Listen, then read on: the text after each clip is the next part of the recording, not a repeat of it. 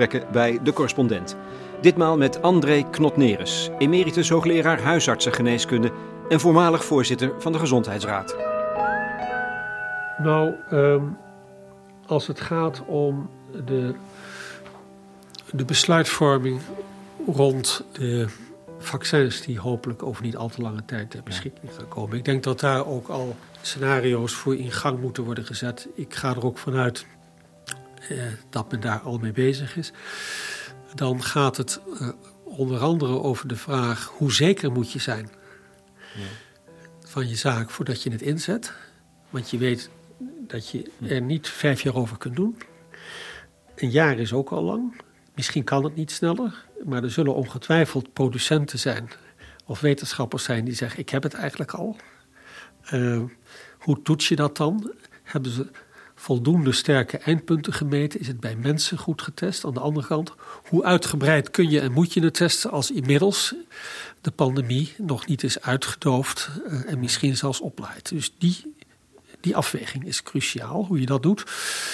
En daarbij. Uh, is natuurlijk ook uh, van belang om te zorgen voor een goede vaccinatiegraad. Uh, we moeten eigenlijk voorkomen dat als er een goed vaccin ter beschikking is, uh, en we weten welke doelgroep het zouden moeten hebben, dat er verwarring ontstaat over de, de, laat ik zeggen, de toegevoegde waarde van vaccin ten gevolge van nepnieuws, uh, hmm. antifaxers, et cetera. Is er wat dus cruciaal is, is er voldoende vaccinatiebereidheid om dat vaccin dan ook te willen nemen. Uh, en ik denk dat het van belang is om uh, nu ook al voorbereidingen te treffen voor het bevorderen van de vaccinatiebereidheid, mits er een goed vaccin is onder het Nederlandse publiek, het internationaal publiek, vooral de risicogroepen ja. die we zo langzamerhand al wel in beeld gaan krijgen. Je, ik kan me niet voorstellen dat mensen het niet willen. Op het moment dat er een vaccin is, uh, dat we hebben dat eerder gezien, krijg je altijd weer een nieuwe discussie. wat zijn de voor's en tegens? Er zijn ook altijd groepen die zich ook dan weer manifesteren. Misschien nu minder dan in het verleden hoor, dat kan best. Want, Mensen die tegen zijn, tegen vaccinatie, toepassen. Bijvoorbeeld, ja, verwarring zaaien, bijwerkingen. Oh, okay. misschien gaan projecteren die niet reëel zijn. Kan je daar tegen gaan? Kan je daar strategie op nou, voeren? Dat is juist waarom ik dit nu zeg.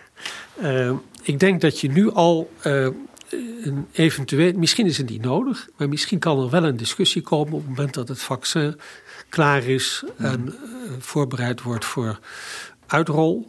Uh, dat je al de hele communicatie om te voorkomen dat er roet in het eten wordt gegooid door nepnieuws van antifaxers, dat je die al bij voorbaat countert.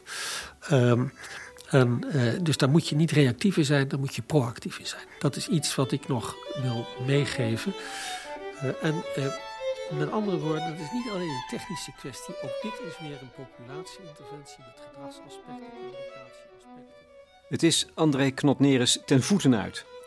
Van origine huisarts heeft hij zich ontpopt tot iemand die met grote zorgvuldigheid adviezen formuleert die je maar beter niet in de wind kunt slaan. Op de dag dat ik hem spreek, dinsdag 14 april jongsleden, heeft hij in de Volkskrant een opiniestuk gepubliceerd onder de titel Alleen messcherp metende apps hebben nut. Ik vermoed dat hij het dus ook wel eens zal zijn met de 60 wetenschappers die dezelfde dag in het AD een waarschuwende brief publiceren gericht aan de regering. Ga niet over één nacht ijs met die apps. Ik ben het uh, eens met uh, het belang om te exploreren of die apps een bijdrage kunnen leveren. Tegelijkertijd zijn er allerlei mits en maren. er zijn ook mogelijke nadelen op het gebied van de privacy, onder andere. Ehm, en op het gebied van wat het betekent voor onze samenleving. Dus de vragen die deze briefschrijvers aan de regering in het AD aanreiken, die vind ik uitstekend. ik heb zelf in mijn stukje aangegeven dat zijn de, de kwesties die, die inderdaad beter moeten worden uitgezocht. Privacy is natuurlijk heel erg belangrijk, maar het allereerste is het onderscheidend vermogen. is het überhaupt mogelijk om dit op een valide manier te doen. Als dat niet mogelijk is, ben je van heel veel discussies af. Hè? Uh, dus dat is wel een essentie, want er zijn natuurlijk heel veel risico's op fout positieve en fout negatieve meldingen. Uh, de, de nauwkeurigheid, de, de, de, de, de, mogelijkheid dat je mogelijke besmettingen. Uh, juist te weinig signaleert en andere te veel. Kijk, neem het voorbeeld.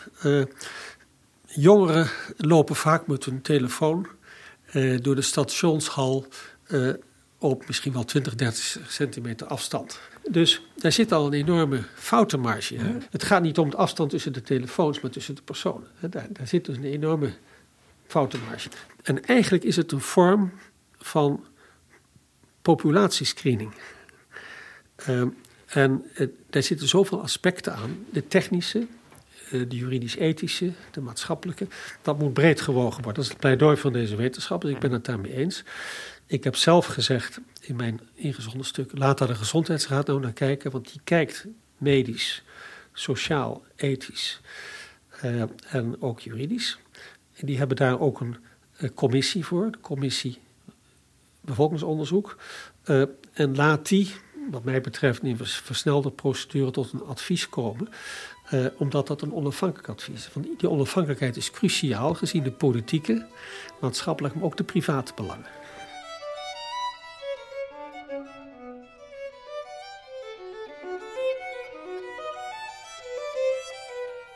Knot Neres is meer dan 35 jaar lang hoogleraar huisartsengeneeskunde geweest en doet nog steeds onderzoek aan de Universiteit Maastricht. We zitten in een vergaderruimte tegenover de ingang van dat academisch ziekenhuis. Ik heb een extra lang microfoonsnoer meegenomen om de benodigde afstand te kunnen bewaren.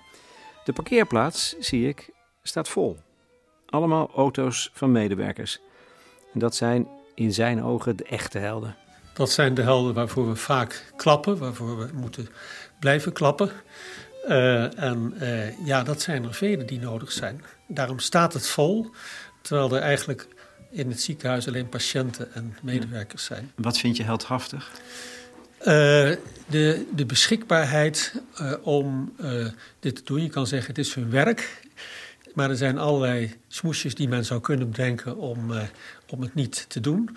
Dat doen ze niet. Ze gaan ervoor, terwijl ze bij hun sollicitatie nooit zijn gevraagd of ze tijdens een pandemie in de frontlinie wilden staan. En daarom is het ook heel goed dat het gezien wordt. André Knotneres heeft lang een positie ingenomen op het snijvlak van verschillende werkvelden. Als voorzitter van de Gezondheidsraad en van de WRR, de Wetenschappelijke Raad voor het Regeringsbeleid, is hij ook geweest, kent hij als geen ander het klappen van de zweep in de omgang met zorg en wetenschap en overheid en politiek.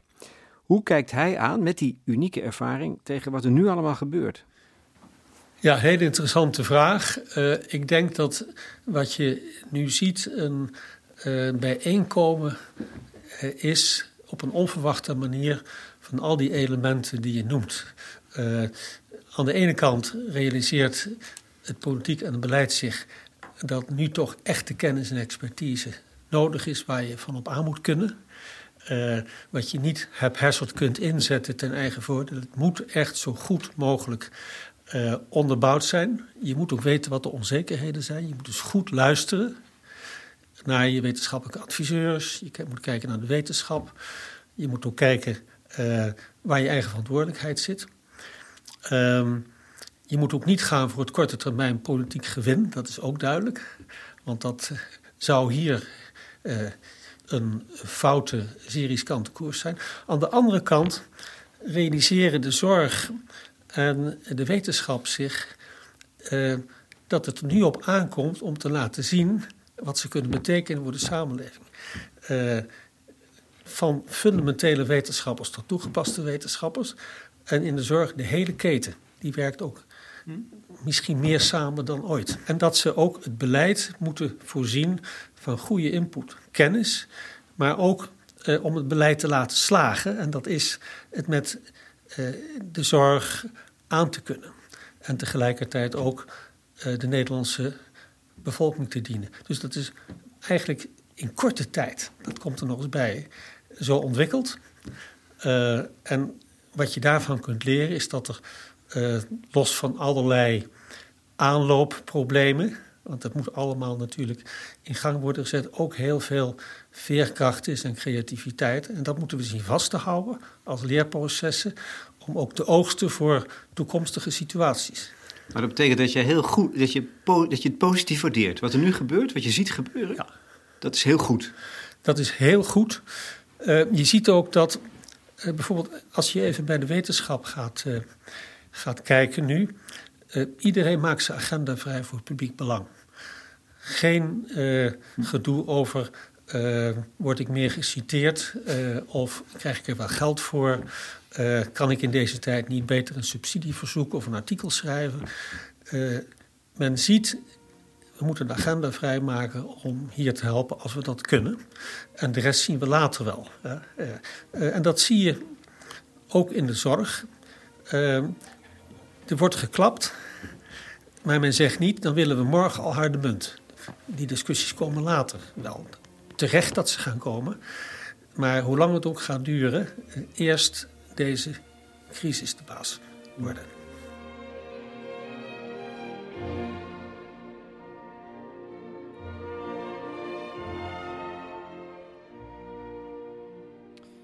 Wat je hiervan kunt leren. Hij zegt het een paar keer in het gesprek.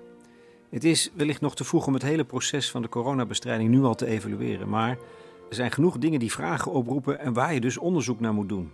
Daar gaat dit gesprek over. Wat moet in termen van onderzoek prioriteit krijgen? Wat zet je op de agenda? En wat kunnen we hiervan leren in termen van beleid met het oog op een gezonde toekomst? En dat het is ook goed om dat nu ook al uh, in het achterhoofd te gaan krijgen. Wat kunnen we hiervan leren? Want we hebben natuurlijk vaak gezien dan in het, dat in het verleden leerprocessen niet geoogst werden en verdampten als de crisis voorbij was. Net als bij vorige gesprekken over corona hebben leden van de correspondent me vragen meegegeven. Die gaan over de markt, het onderzoek, preventie en ethiek. Knot Neres heeft er zelf ook nog wel een paar. Hoe kunnen we in de toekomst beter in de gaten hebben dat er zoiets aankomt? Eerder de waarschuwingen uit China oppikken? Hoe kun je zo vroeg mogelijk vaststellen dat er sprake is van een pandemie? En hoe voorkom je dat je allerlei zoektochten moet plegen voor IC-capaciteiten en andere middelen? Ja, Achteraf is het makkelijk praten. Maar op het moment zelf is er heel veel onzeker. Uh, dat is een van de kernthema's. Dat geldt zowel voor het handelen als ook voor het wetenschappelijk onderzoek. Uh, beslissen in onzekerheid en onderzoek doen naar beslissingen in onzekerheid, waarbij je niet zo lang kunt wachten als we dat gebruikelijk zijn, als we gewend zijn als, je, als het gaat om onderzoeksresultaten. Maar eerst even nog, uh, als je het goed vindt, het voorbijgaan van de crisis, dat is al een issue op zichzelf. Hè? Uh, de, we weten niet precies hoe lang dit gaat duren. Uh, er wordt gesproken over exit. Uh, eigenlijk is het voorlopig meer coping, omgaan met. Zolang we geen vaccin hebben, zitten we in een lastige situatie. En in die zin is ook al een leerproces dat we niet te makkelijk moeten denken we zijn er zo vanaf. We moeten dus nu gaandeweg leren hoe we om moeten gaan met iets wat misschien langer gaat duren. Uh, ik, ik moet wel eens terugdenken aan mijn ouders, die toen de oorlog begon niet wisten dat die vijf jaar zou duren. Dat kennen we eigenlijk niet zo goed in onze planmatige maatschappij. Dus dat is één aspect wat, uh, wat denk ik toch in het achterhoofd moet worden gehouden. Er zijn draaiboeken over uh, hoe je om moet gaan met pandemische ontwikkelingen. Um, die moet je ook oefenen, regelmatig. Nou, uh, want draaiboeken, dat is papier. Is er wel genoeg geoefend? Als iets lang niet gebeurt, ga je dat dan nog doen? En hoe gaat dat in de toekomst? Als er misschien twee, drie, vier jaar niks gebeurt, zakt het dan weer weg. Uh, het is natuurlijk een event wat zeldzaam is, hopelijk zeldzaam blijft. Maar als het gebeurt, heeft het een enorme impact. Uh, en dat is lastig om mee te dealen. Uh, overigens moeten we niet uitsluiten dat pandemieën vaker gaan voorkomen in een tijd van global warming. Uh, het is waarschijnlijker dat het vaker gaat voorkomen, dat het minder vaak gaat voorkomen. Daar is vorig jaar nog door gewaarschuwd door de Europese Academie van Wetenschappen. Dus ook dat is een reden om uh, die alertheid uh, goed te doordenken en wat is daarvoor nodig. Uh, wat we ook leren, en daar zijn in het verleden echt concrete aanbevelingen voor gedaan, die vind ik veel te weinig zijn opgevolgd.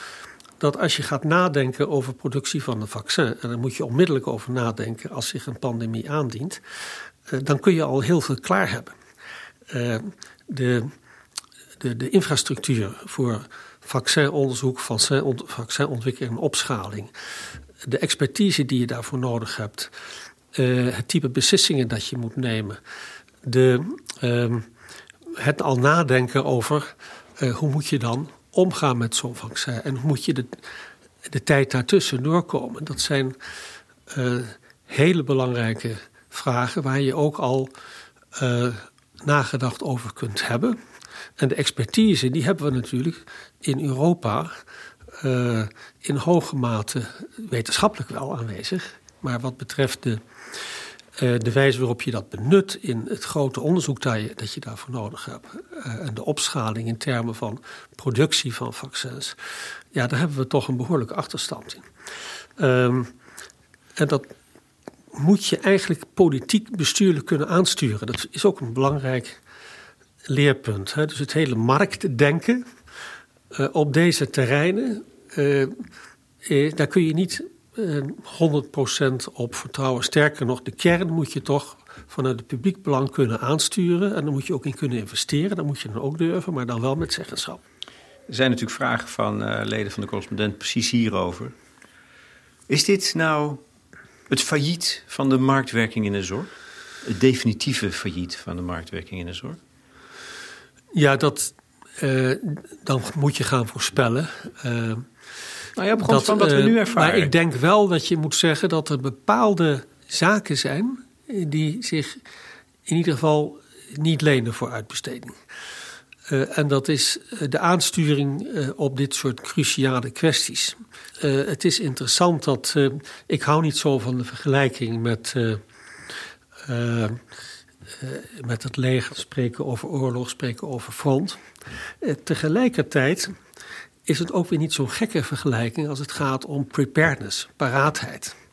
Uh, je hebt een, een leger om te zorgen dat dingen die zelden gebeuren, toch kunnen worden beantwoord met een adequate respons.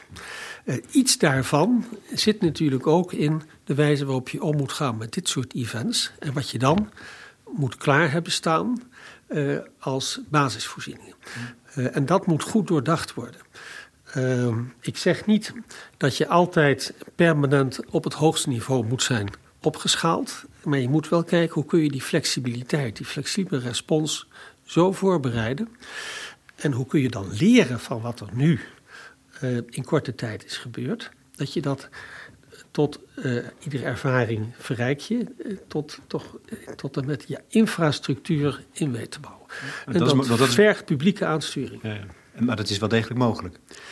Ik denk dat dat. Dus ik hoor het al zeggen, ja, dat kost te veel geld. Ja, maar ik, ik denk dat je daar ehm, met draaiboeken heel ver in kunt komen. Want iemand wees erop, hè, in de afgelopen jaren zijn de GGD's verzwakt. Ja. De farmaceutische industrie is ja. uit Nederland verdwenen. Ja. Uh, het vaccinatieinstituut is opgeheven. Dat hebben we allemaal gedaan. Betalen we daar eigenlijk nu de tol voor? Ja, ik denk wat betreft de public health. Uh, het is fantastisch wat men nog weet te doen. Uh, dat is ongelooflijk. maar dat, dat, is, ja, dat zijn dan schema's die men moet draaien, die je menselijke wijze eigenlijk niet mag verwachten van mensen, maar men doet het. Als je ziet hoe belangrijk die public health infrastructuur is. Kijk, we hebben het terecht heel veel over de IC's. Terecht. Maar er zit een hele piramide onder van public health, eerste lijn, uh, ook thuiszorg. die, die moeten we ook zien. En ik vind inderdaad dat er te veel is ingeleverd op de public health. En ook wat betreft de de farmaceutische industrie. Dat had eigenlijk vandaar dat die publieke aansturing van belang is. Er had eigenlijk beleid op moeten zijn dat we sterke producenten nog steeds hadden. Niet alleen met vestigingen, maar ook met productie faciliteiten. En hetzelfde geldt natuurlijk wat betreft diagnostische faciliteiten, testfaciliteiten. Uh, dat is nou het voordeel van de schaal van Europa. Kijk, per land kan je dat niet doen. Uh, dat gaat je niet lukken. Dat is de kracht van internationale samenwerking. Niet alleen omdat dit probleem grensoverschrijdend is, maar ook omdat de wijze waarop je het moet counteren grensoverschrijdend is. En dat zou nou een hele mooie taak zijn voor Europa als leerpunt om daar nou eens naar te kijken. Uh, en de burgers begrijpen dat ook. Het gaat dan niet over ruzie in de regeringsleiders over zaken waarvan men denkt: moet je daar nog ruzie over hebben? Is dat nou in mijn belang? Het gaat dan om hele concrete belangen als burgers die men nu ook nog eens extra ervaren. Uh, dus ik denk dat je dan grote publieke steun hebt.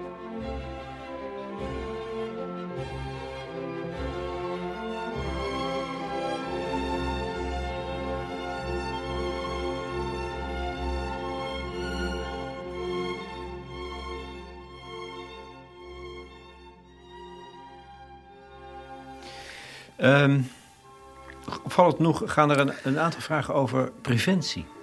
Ja. Ik weet niet of dat hè, te relateren is aan een, een, pandemie. Die met dit specifieke virus, dat in de, de lagere luchtwegen gaat zitten. Dubbele longontsteking. Ja. Nou ja, dat weet je ook niet van tevoren. Um, dat is nogal specifiek. Uh, maar een aantal vragen gaan daarover. Hebben, hebben we dat eigenlijk veel te weinig serieus genomen? Tot aan moeten verzekeraars niet preventieve maatregelen gaan uh, betalen, verzekeren? Om, om veel, ja. meer, veel eerder te zitten. Ben ik het helemaal mee eens, ja. Ik denk dat preventie uh, een onderdeel moet worden van wat in het zorgpakket moet zijn gedekt. Natuurlijk altijd in het spanningsveld van wat is de vrijheid van mensen en hoe kun je het beïnvloeden? En eh, zijn daar vriendelijke vormen van nudging? En welke keuzes kan men uiteindelijk zelf maken? Maar uh, een, interessant voorbeeld vind ik uh, de discussie over meeroken. Uh, ik heb die nadrukkelijk meegemaakt begin deze eeuw, toen de gezondheidsraad daar een aantal dingen over zei. en zei dat net op het moment dat de Kamer moest beslissen over uh, roken in de horeca.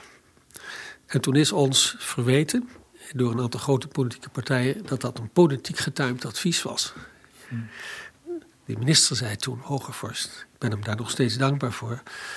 Geachte Kamerleden, had u dit advies liever voor of na het Kamerdebat gehad? En de vraag stellen was hem natuurlijk beantwoorden. En dat meeroken is een gamechanger geweest. Want men begreep dat het niet alleen de schade was die je zelf toebracht, maar ook aan je omgeving, je kinderen, je collega's. Uh, en in die zin zie je dat ook uh, hier op dit moment sterk leeft. Uh, en dat is door de huidige situatie uh, eigenlijk achter of tussen de oren gekomen. Ja, mijn sociale hygiëne is ook van belang voor anderen en misschien ook voor allerlei uh, problemen die anders in de zorg ontstaan. Uh, verder is preventie natuurlijk heel erg belangrijk om allerlei redenen. Uh, want het is een breed begrip als je kijkt naar de vraag wie worden het meest getroffen door deze crisis.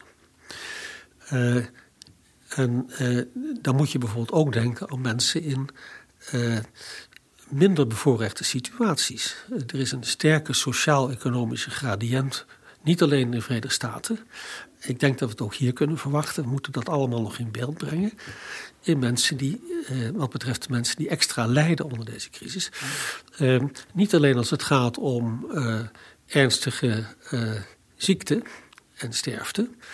Maar ook als het gaat om hinder in het dagelijks leven. Ik, ik vind bijvoorbeeld een goed voorbeeld. We hebben het veel over beperkingen ten aanzien van school en werk sportcultuur. Maar in dit geval vind ik een heel duidelijk voorbeeld, wat volgens mij makkelijk zou kunnen worden opgelost. Uh, de, met name voor mensen die met grote gezinnen in grote steden, in kleine woningen zonder tuin uh, zitten met alle extra taken ten aanzien van schoolbegeleiding, thuiswerken. Uh, dat die als ze uitbreken, al gauw in een situatie komen dat ze allemaal naar dezelfde plek willen. Uh, en iedereen wordt boos op ze. Ze worden bijna gecriminaliseerd. Ik begrijp waarom dat gebeurt. Uh, maar het levert een, in mijn ogen toch merkwaardige paradox op. Aan de ene kant allerlei mensen op een kluitje. Uh, liefst thuis blijven. Liefst ook het weekend, liefst ook als het heel warm is. Aan de andere kant onze buiten- en natuurgebieden. Alle ruimte, die worden soms zelfs gesloten. Kun je nog niet een oplossing vinden, à la supermarkten, dat je juist nu die terreinen inzet, gebruikt. De beleving van, wat is het toch fijn dat we die gebieden hebben, juist nu. Niet alleen als het over vervelende stikstofdiscussies gaat. Waarom zetten we daar de boerenorganisaties niet voor in om daarbij te helpen, eh, de grote eventorganisatoren, eh, zodat je dat vrij urgente probleem, als je daar niet binnenkort een oplossing voor vindt, krijg je echt problemen.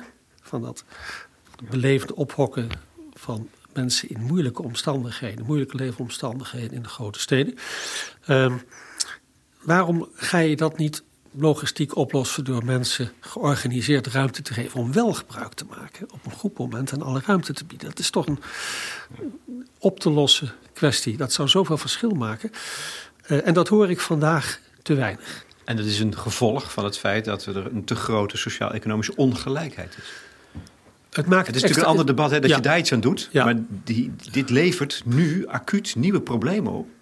Die ja, niet zomaar kunnen. Het, het, is, voor sommigen is dit veel moeilijker vol te houden dan voor anderen. En daar moet je begrip voor hebben. En dat moet je in een positieve benadering moet je dat gaan aanpakken. En niet in een restrictieve benadering. Want dat geeft spanning. En dat geeft. We hebben nu een gevoel van saamhorigheid. Dat is schitterend. Dat moeten we zo houden. Maar er zijn risico's dat dat omslaat als mensen zich ongelijk behandeld voelen of het idee hebben, ja, zij hebben makkelijk praten. Ik zit veel moeilijker. Ik ga dit niet volgen. En dan moet je uh, perspectief bieden. En dat is de grote uitdaging.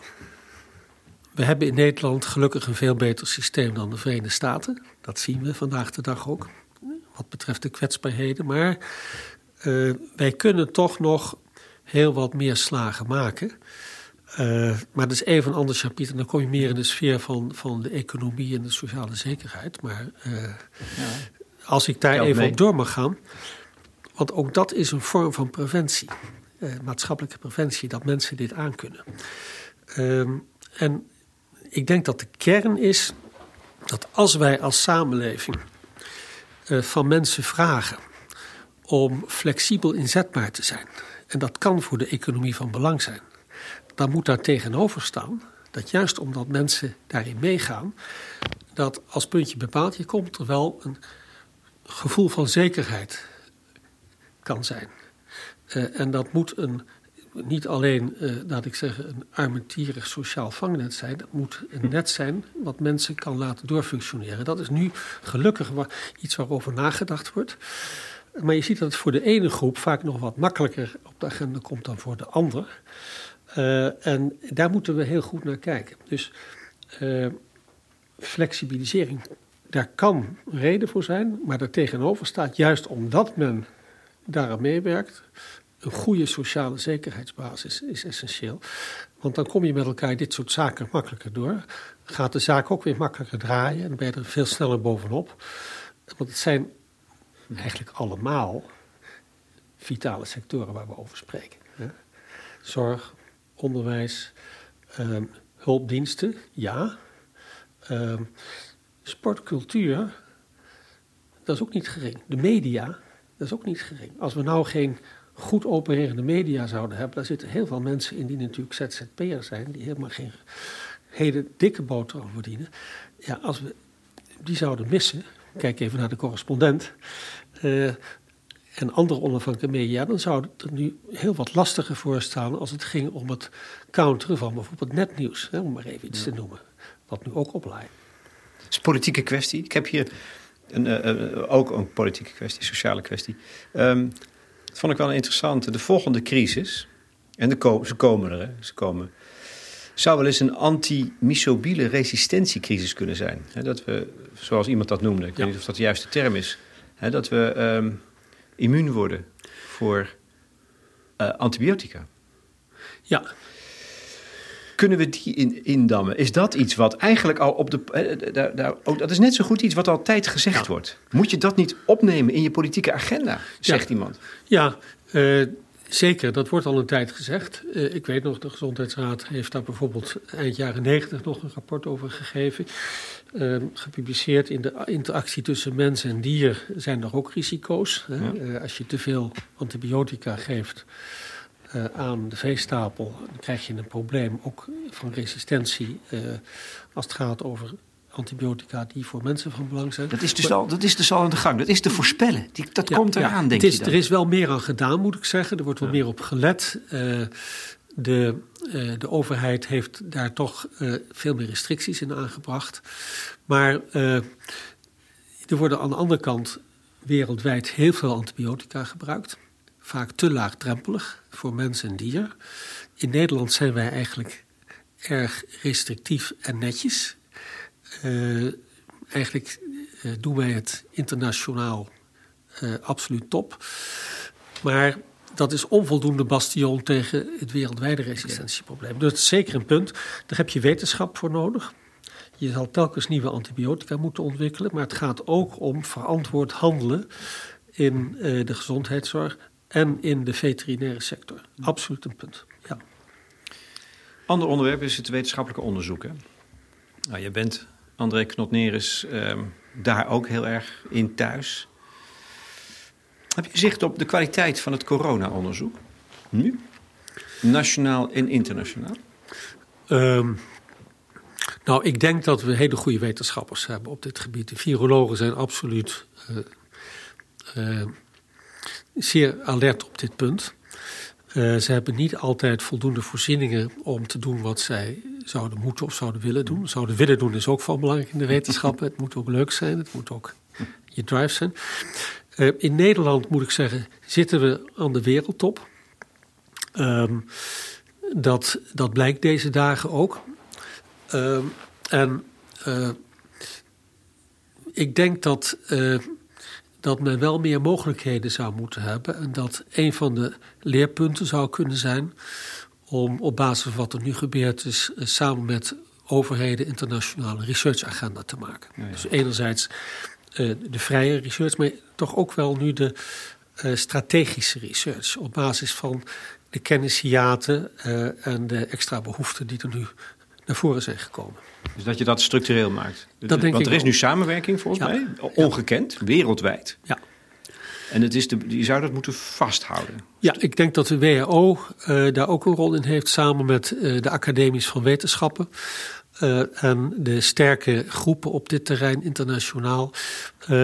ook hier is in 2004 een aanbeveling gedaan, bijvoorbeeld in Nederland door de Gezondheidsraad. Dat ging over emerging zoonoses. Dat ging precies over deze problematiek. Hoe kun je nu uh, anticiperen, preparedness, wat heb je daarvoor nodig? Dat ging in hoge mate over het wetenschappelijk onderzoek. In die commissie van de Gezondheidsraad zaten ook enkele mensen die nu nog steeds actief zijn. Die hebben dat uitstekend voorzien. Alleen ze hebben daarna niet alle mogelijkheden gekregen om dat waar te maken. Uh, en je ziet daar bijvoorbeeld ook vaak wat wij wel noemen het de incidentregelreflex. Uh, er is aandacht, er is een event. Uh, dit was in de aftermath van 9-11, het bioterrorisme verhaal. We weten het allemaal nog. Uh, het idee preparedness stond hoog op de agenda. Maar daarna is het een beetje tot rust gekomen. En toen kregen we een opleving met de Mexicaanse griep. In Nederland natuurlijk met de Q-koorts. Ja. Maar ook daar zijn de waarschuwingen ook van die Q-koorts toch weer een tijdje weggezakt.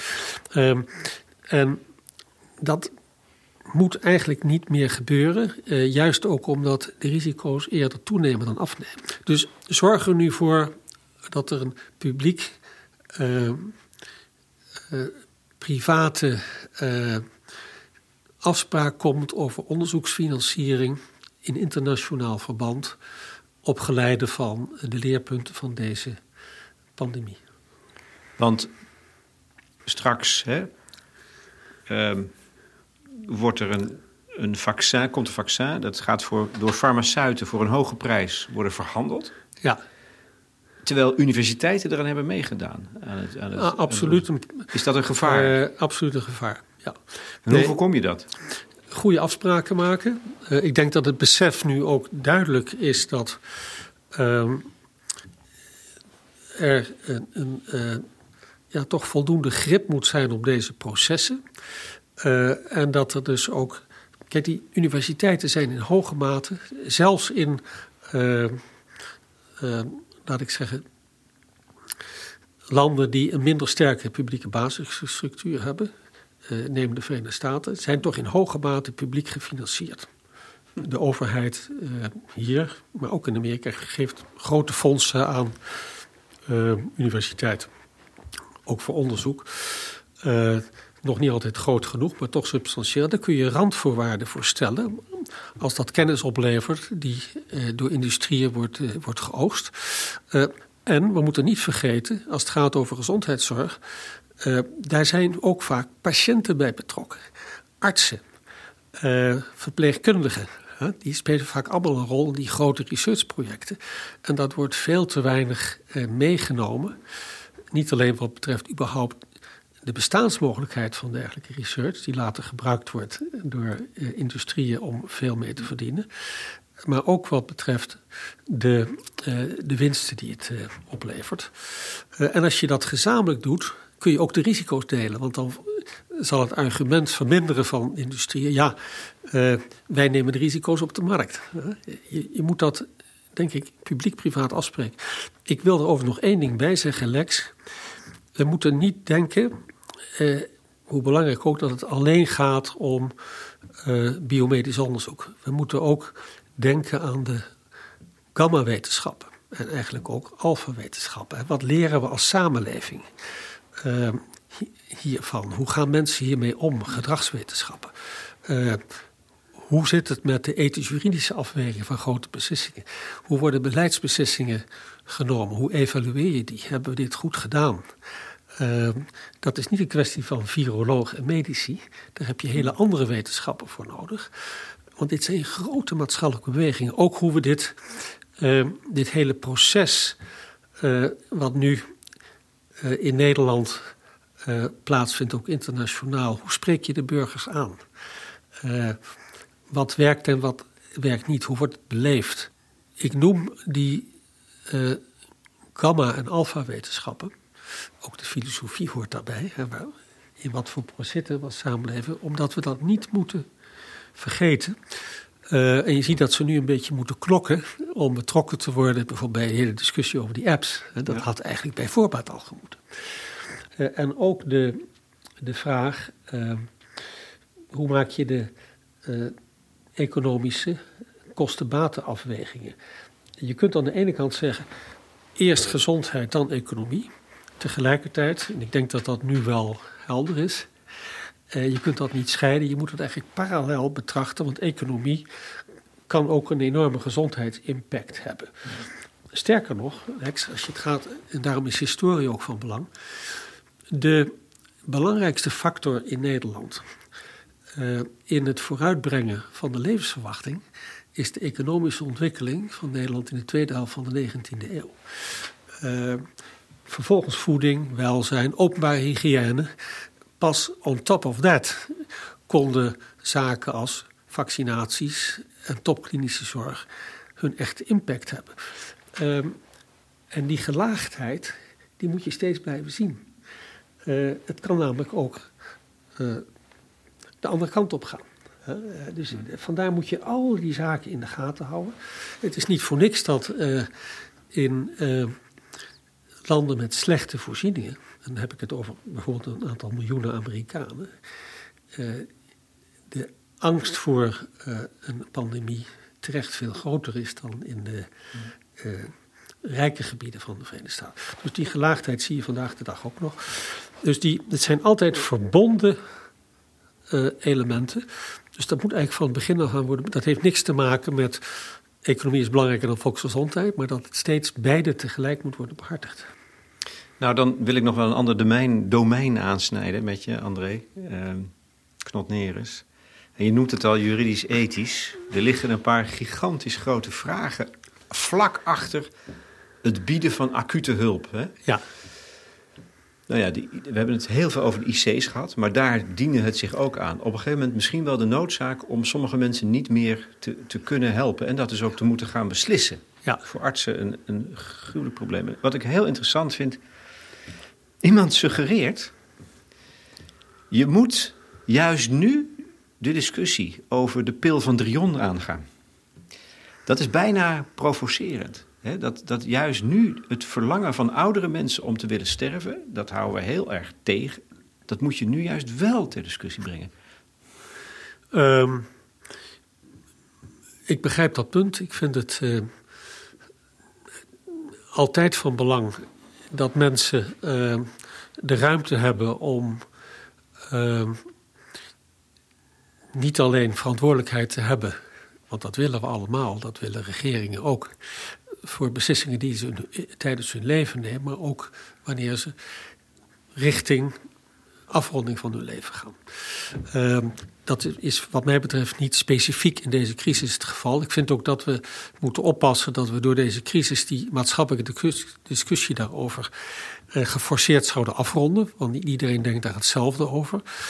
Uh, maar ik denk wel dat de crisis duidelijk maakt hoe belangrijk die discussie is en dat we niet voor ons uit moeten schuiven. Dat, eh, in die zin ben ik het met deze vraagsteller eens. Uh, overigens uh, wil ik nog wel iets zeggen over de confrontatie met dit soort beslissingen en keuzes, ook aan de kant van de hulpverlening. Dit werd nu duidelijk in een crisissituatie, maar als het gaat over orgaandonatie, kennen we deze discussie natuurlijk al. Daar worden al keuzes gemaakt. De een krijgt wel een orgaan en de ander niet. Ja, uh, en de criteria zijn uh, natuurlijk de medische urgentie, maar het gaat ook om uh, de vraag welke kansen heeft iemand nog, et cetera. En daar zit iets, en dat is weinig gezegd tot nu toe, daar zit ook iets in waar we heel zorgvuldig mee moeten omgaan. Als je te simpele criteria stelt, als je bijvoorbeeld zegt, gelukkig lijkt het nu niet te hoeven uh, voor IC's selecteren. Ik denk ook dat dat een nederlaag zou zijn geweest als dat in ons land had gemoeten. Misschien had het ook voorkomen kunnen worden door met Duitsland nog meer samen te werken. Maar dan is het bijvoorbeeld te simpel om te zeggen: Nou, weet je wat, dan moet je een objectief criterium hebben.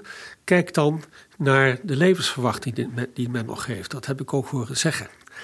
Uh, want uh, de kans om het te overleven is voor de een veel groter dan voor de ander. Uh, als je dat zegt, zijn mensen die een minder gunstige, gezonde levensverwachting of levensverwachting hebben, altijd minder kansrijk om in zo'n situatie van uiterste hulp terecht te komen. Even los van de vraag of ze ermee geholpen zijn. Um, en dat zijn ook vaak mensen weer met een sociaal-economisch kwetsbare positie. Uh, het zou toch niet zo moeten zijn dat 62-jarigen, uh, van wie één altijd in een zeer geprivilegeerde situatie heeft gezeten en die nog een lange gezonde levensverwachting heeft, in alle gevallen voorkeur zou hebben boven iemand die een uh, veel minder gunstige levensverwachting zou hebben, omdat hij veel minder kansen heeft gehad. Dus dat zijn ook ethische kwesties. Maar hoe weeg je dat als, als, hoe weeg je als, dat? als arts op ja, de IC nou, of als huisarts? Ja, je, maar daarom is het zo van belang dat je die capaciteit voldoende, want dit zijn natuurlijk onmogelijke afwegingen. Uh, en het tweede wat ik zeg, denk ook niet dat je daar heel simpele criteria voor kunt formuleren. Het kan, maar er is altijd heel veel op af te dingen. Uh, en onrechtvaardigheid is snel aan de horizon uh, opgedoemd. Uh, want, want het, diende, het, diende, het waren artsen die ermee worstelden. Hè? Ik moet triage gaan toepassen. Ik ja. moet gaan kiezen. De ja. een wel, de ander niet. Ja. En je zegt, er zijn geen simpele criteria voor. Maar, en het is misschien of hoe zou het moeten gebeuren? Als, het, als je zegt, het is onmogelijk. Het zijn onmogelijke keuzes. Ja, die ik toch denk, gemaakt moeten worden. Ik denk dat je uh, misschien een beetje moet oppassen om het als samenleving te willen regelen. Ik denk dat je ruimte moet laten aan uh, de, uh, de dialoog uh, tussen, als de patiënt ja. daar nog aan mee kan doen, de patiënt in de eerste plaats, de zorgverlener die het vertrouwen verdient, die ook verantwoordelijkheid draagt, familie, en dan die afweging maakt en, en dan met maatwerk kijkt wat zijn vanuit de belangen van deze persoon de opties. En ik denk als je dat goed bespreekt uh, en ook met een open mind, dat heel veel uh, al uh, zodanig wordt afgesproken, besloten eh, dat het eigenlijk in harmonie kan. Hoe moeilijk de situatie op dat moment ook is. Ik denk dat dat beter is dan afvinklijstjes maken, protocollen waaraan men zich moet houden. Alleen al dat idee is voor veel mensen, denk ik, beangstigend en kan het vertrouwen ondermijnen. Dus je moet eigenlijk je, je menselijkheid met z'n allen onderhouden, trainen, in gesprek. Dat gaat een beetje in de richting van wat Damian Denies als psychiater heeft geopperd. Hè? Ja. Die, die stelt de vraag, ja jongens, hè, gaan we, zijn we niet doorgeschoten in, in onze bijna obsessie om het te willen controleren? Moeten we niet leren om met onze sterfelijkheid om te gaan? Maar, dat, maar, maar eigenlijk ga je ook een beetje in die richting. We moeten nou ja, in ieder geval dat gesprek daarover veel meer met elkaar voeren. En niet onze hoop hebben of op de technologie, de, de, de, de ontwikkeling van het medicijn, uh, of de afvinklijstjes. Die technologie en het medicijn zijn uitermate belangrijk. Uh, het uh, goed geschoolde mensen om deze beslissingen, die er altijd zullen blijven, op tafel te brengen, te bespreken en met mensen af te wegen. Met in het achterhoofd natuurlijk ook kennis van zaken. Welke factoren een rol zouden kunnen spelen om dat gesprek goed te voeren. Dat wel. Uh, dat is cruciaal voor het vertrouwen in de zorg. Uh, het vertrouwen in elkaar en ook het vertrouwen in de beslissing die genomen wordt. Zodra iemand het gevoel heeft, gaat het in dit gesprek nou om mij of om iets anders, uh, dan is er al veel verloren. Dat moet je voorkomen. En dit is ook een reden dat er ook zoveel andere uh, wetenschappers nodig zijn om ook dit uh, proces te doordenken. En, de ethici, de filosofen. Ethici, de, filosofen, gedragswetenschappers. dat, dat en dat zal ook voor professionele opleidingen consequenties hebben. En dan nog één. Is het toch een beetje een schrijnend verschil tussen de aandacht voor de heftige problematiek op de IC's en in de ziekenhuizen ja. en bij de verpleeghuizen? Ja. Zit daar niet een overwaardering voor de, de klinische zorg in de ziekenhuizen ten opzichte van die zorg voor verpleeghuizen in de verpleeghuizen? Waardoor we dat eigenlijk minder belangrijk vinden. Wat ja. schrijnend is, toch? Ja, ik denk dat de, de aandacht voor wat er in het ziekenhuis is gebeurd volkomen terecht was. Ook de investering daarin. Uh, maar we zijn uh, eigenlijk vergeten breed genoeg te denken. Had onmiddellijk moeten worden gekeken naar andere uh, risicosituaties in bijvoorbeeld verpleeghuizen. We hebben revalidatieinrichtingen. Er zijn allerlei situaties waar zorg moet worden geleverd, waar risico onontkoombaar is als je niet goed let op de, uh, de hygiëne en de sociale uh, kant, maar ook de, de, technische kant van de bescherming, inclusief mondkapjes. Uh, dat is een belangrijk leerpunt. ik denk ook dat een leerpunt zal moeten zijn: was het nou een goede strategie? Achteraf kun je dat makkelijker roepen, maar ik weet nog steeds het antwoord niet. Daarom moet je dat bekijken. Een, strategie, een goede strategie om te besluiten om verpleegzorg min of meer eh, te isoleren. Uh, misschien moet je in de toekomst ook eens kijken of er niet alternatieven zijn. Het opdelen in kleine clusters, kleinere woonclusters. Compartimentaliseren van de risico's. Veel meer dan. Want als in een groot centrum eenmaal iets misgaat. Ja. Uh, dan heb je natuurlijk een grotere kans op interne verspreiding. Dat kan voor een situatie als dit voordelen hebben. Maar ik denk uh, dat je gelijk hebt als je zegt, uh, daar is te laat uh, de aandacht voor komen die eigenlijk al eerder was verdiend. Dankjewel, dankjewel voor deze bereidheid bij jou om, om al die kwesties nog eens door te nemen voor ons. Dankjewel. Graag gedaan.